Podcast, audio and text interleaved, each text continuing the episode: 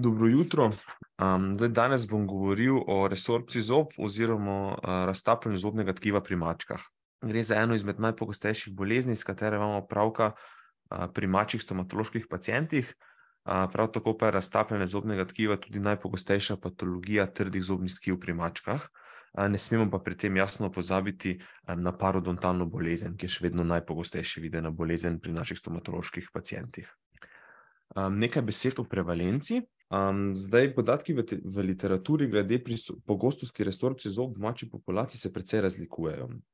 Zadimo lahko informacija, da se lahko pojavi pri 25, pa vse, pa vse do celo 75 odstotkov mačjih populacij.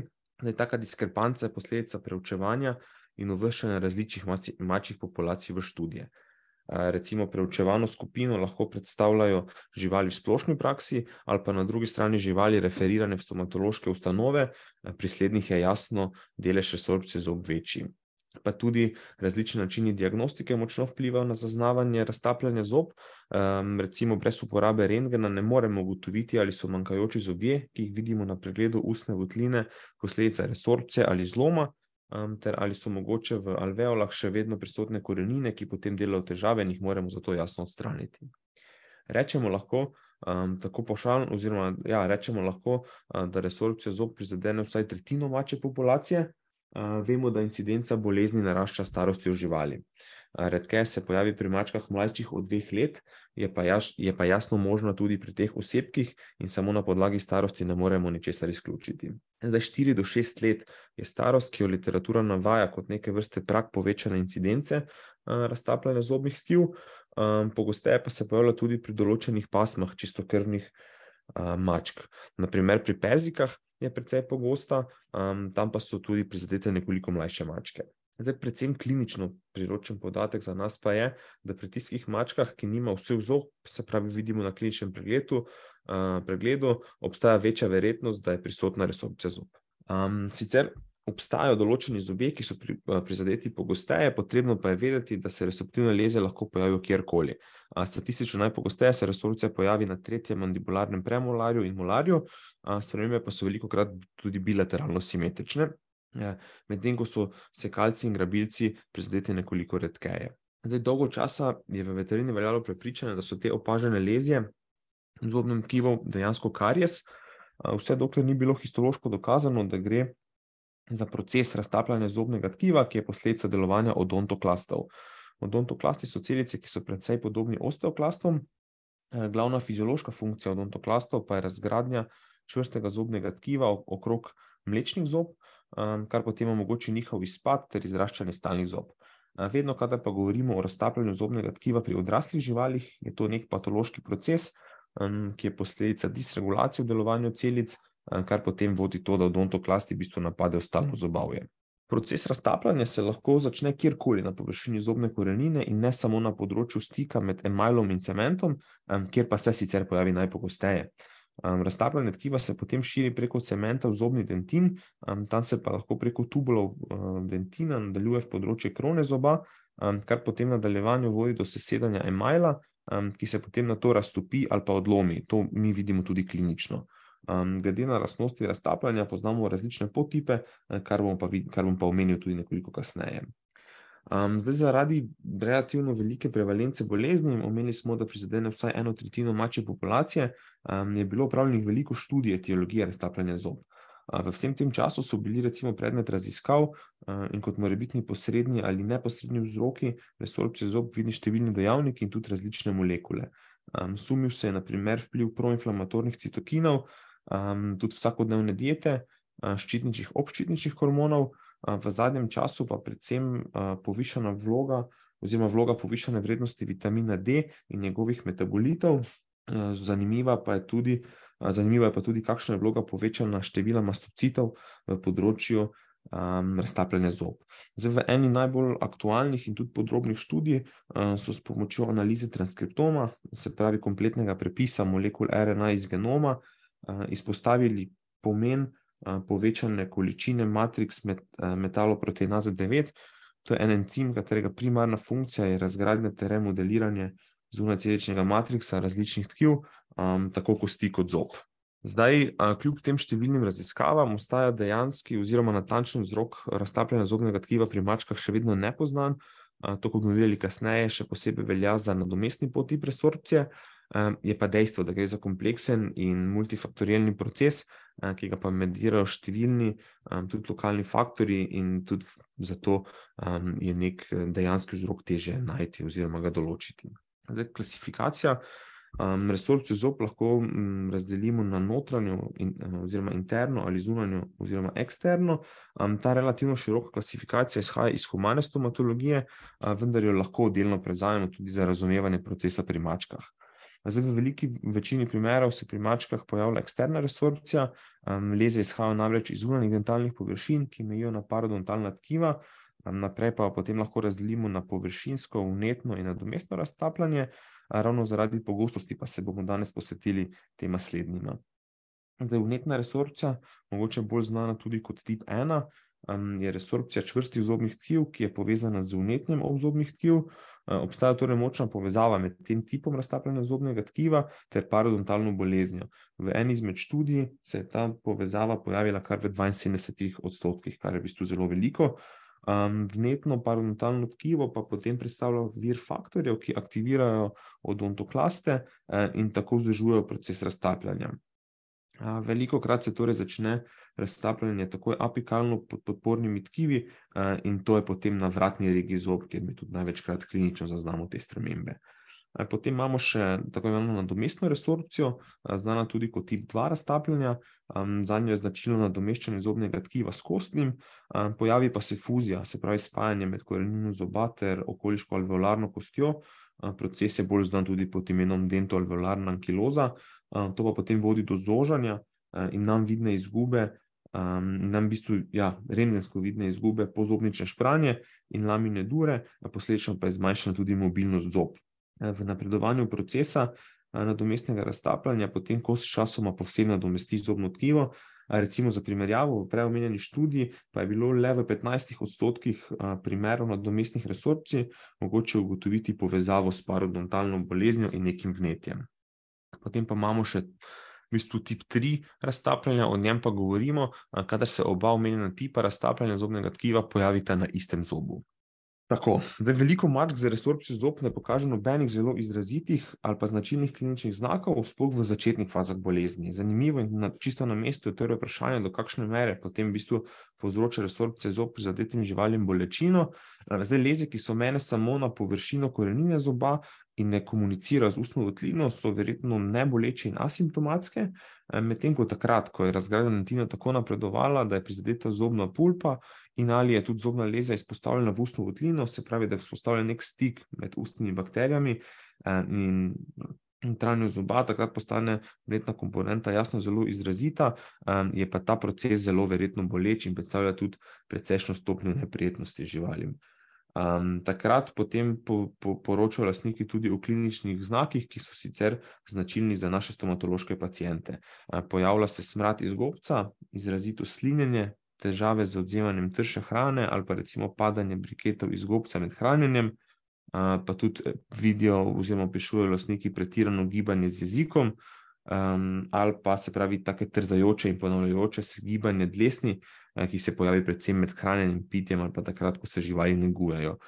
Zdaj, sama letargija, anoreksija ali pa izguba telesne teže se res lahko pojavi pri napredovalih stopnjah bolezni, samo je mogoče treba, no, na tem mestu še enkrat poudariti, da se pri neki sistemski prizadetosti živali se je vedno potrebno, v bistvu je vedno potrebno izključiti tudi druge bolezni in se ne samo osredotočiti na ustno votlino, četudi tam obstajajo kake lezje ali pa težave. potem diagnostika. zdaj načeloma diagnostika, zajema natančen pregled ustne votline v anesteziji, potem čarting oziroma to sondiranje, ter rentgensko slikanje zob, kar je v bistvu načeloma itak del vsakega stomatološkega posega. Zdaj, ob natančnem pregledu ustne votline v anesteziji velikokrat vidimo izrazit zobni kamen, potem hiperplazijo dlesni in tako granulacijsko tkivo, ki vrašča in prekriva zobno lezijo, ta pa je potem, kot že rečeno, velikokrat prisotna na gingivalnem robu.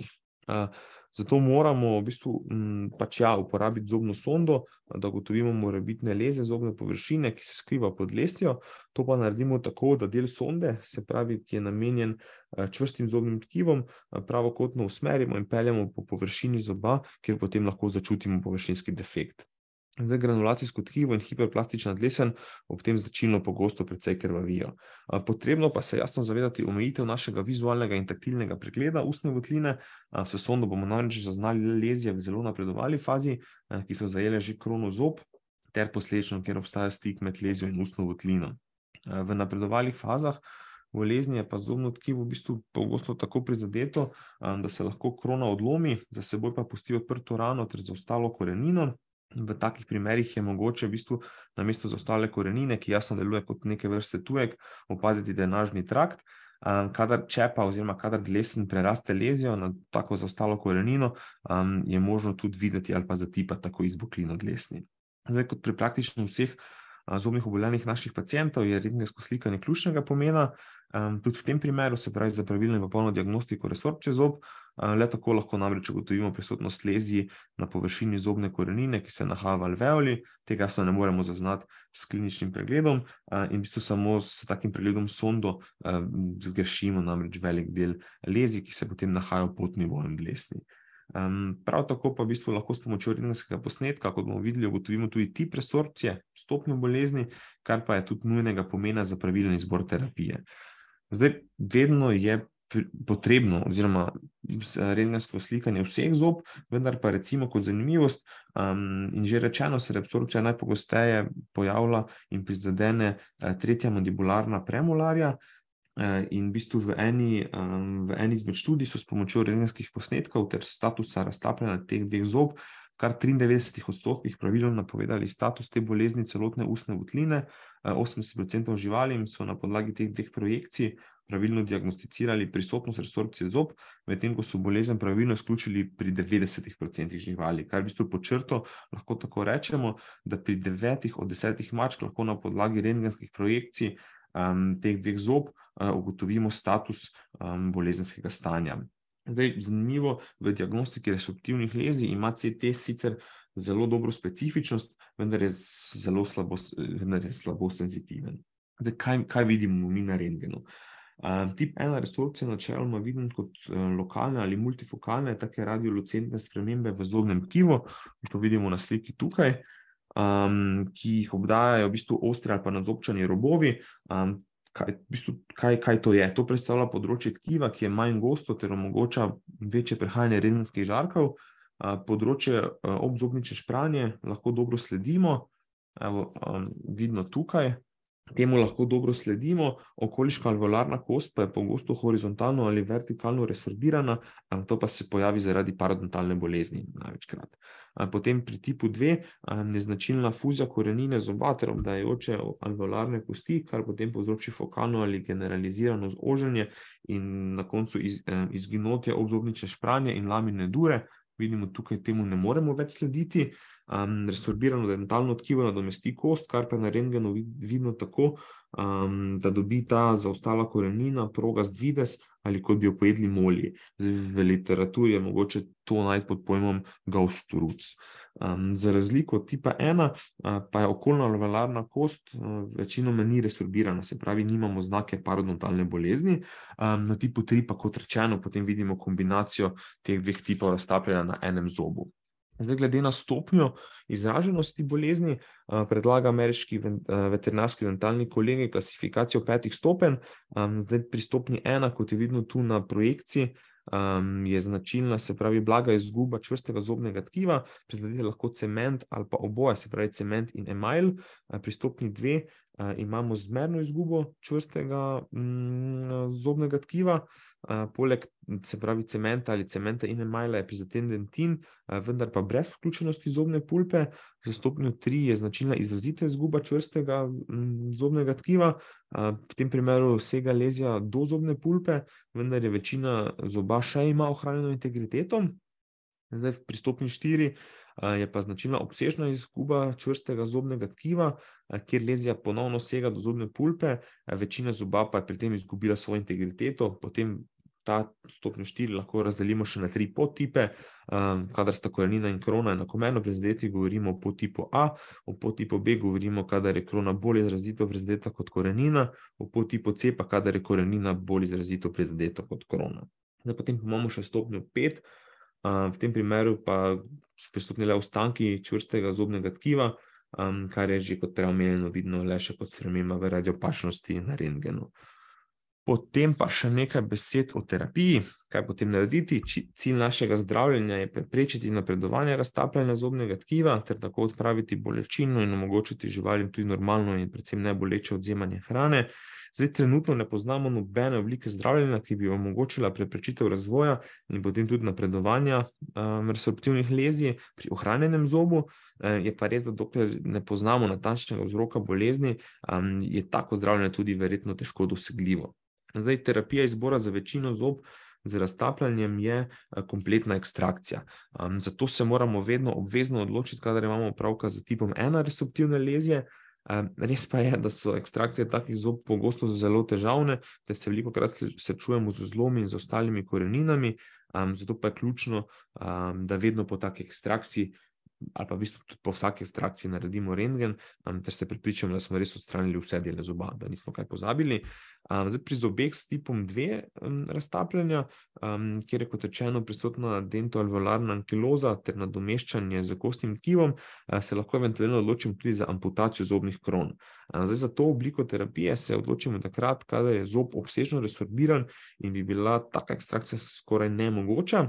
Zdaj, na tem mestu pa je potrebno podariti še enkrat, da amputacija kron nikakor ni pravilna terapija, kadar imamo mi opravka z vnetnim oziroma tipom ena razslapljanja zobnega tkiva, kadar se pravi lahko a, sledimo tej obzobnični špranji, to, kar je vidno na rengenu, kontraindicirana pa je tudi takrat, kadar imamo opravka še z parodontitisom, um, ali endodonsko in periapikalno patologijo. Um, prav tako ta oblika terapije ni priporočena za živali, ki so FLV ali FIV pozitivne, je pa potrebno tudi omeniti lasnikom, pri, oziroma pač tudi moramo pomisliti mi, kadar se odločamo za um, to možnost terapije, um, da je po upravljenem posegu se priporoča rentgenska kontrola čez 12 mesecev, da potem vidimo, kako se resorbirajo korenine, kar potem jasno pomeni še eno anestezijo. Zdaj, Opisane so eh, tehnike restauracije prizadetega dela do zoba z različnimi materiali, eh, ki pa so se v številnih študijah izkazale za precej neuspešne in se zato ne, ne priporočajo v terapiji raztapljanja zob. Um, zdaj, omeniti pa velja mogoče tudi konzervativni pristop, um, ta zajema klinično in rengensko spremljanje teh vidnih sprememb. Um, poslužimo se ga pa lahko le v primeru, če je lezija omejena na zobno korenino, um, ter ni mogoče zaznati klinično. Se pravi, je vidna le rengensko in tako ni odprta v ustno votlino. Um, taka lezija smo že rekli, se pravi, je tudi ne boleča. Um, smiselna je recimo pri velikih zobeh, grabilcih, kjer bi bila ekstrakcija zob tako zelo težka.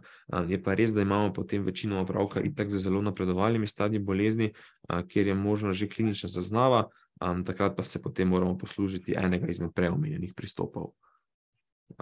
Ja, zdaj to bi bilo za danes vse. Jaz bi na tem mestu zaključil. Zdaj pa hvala za pozornost, pa lep dan.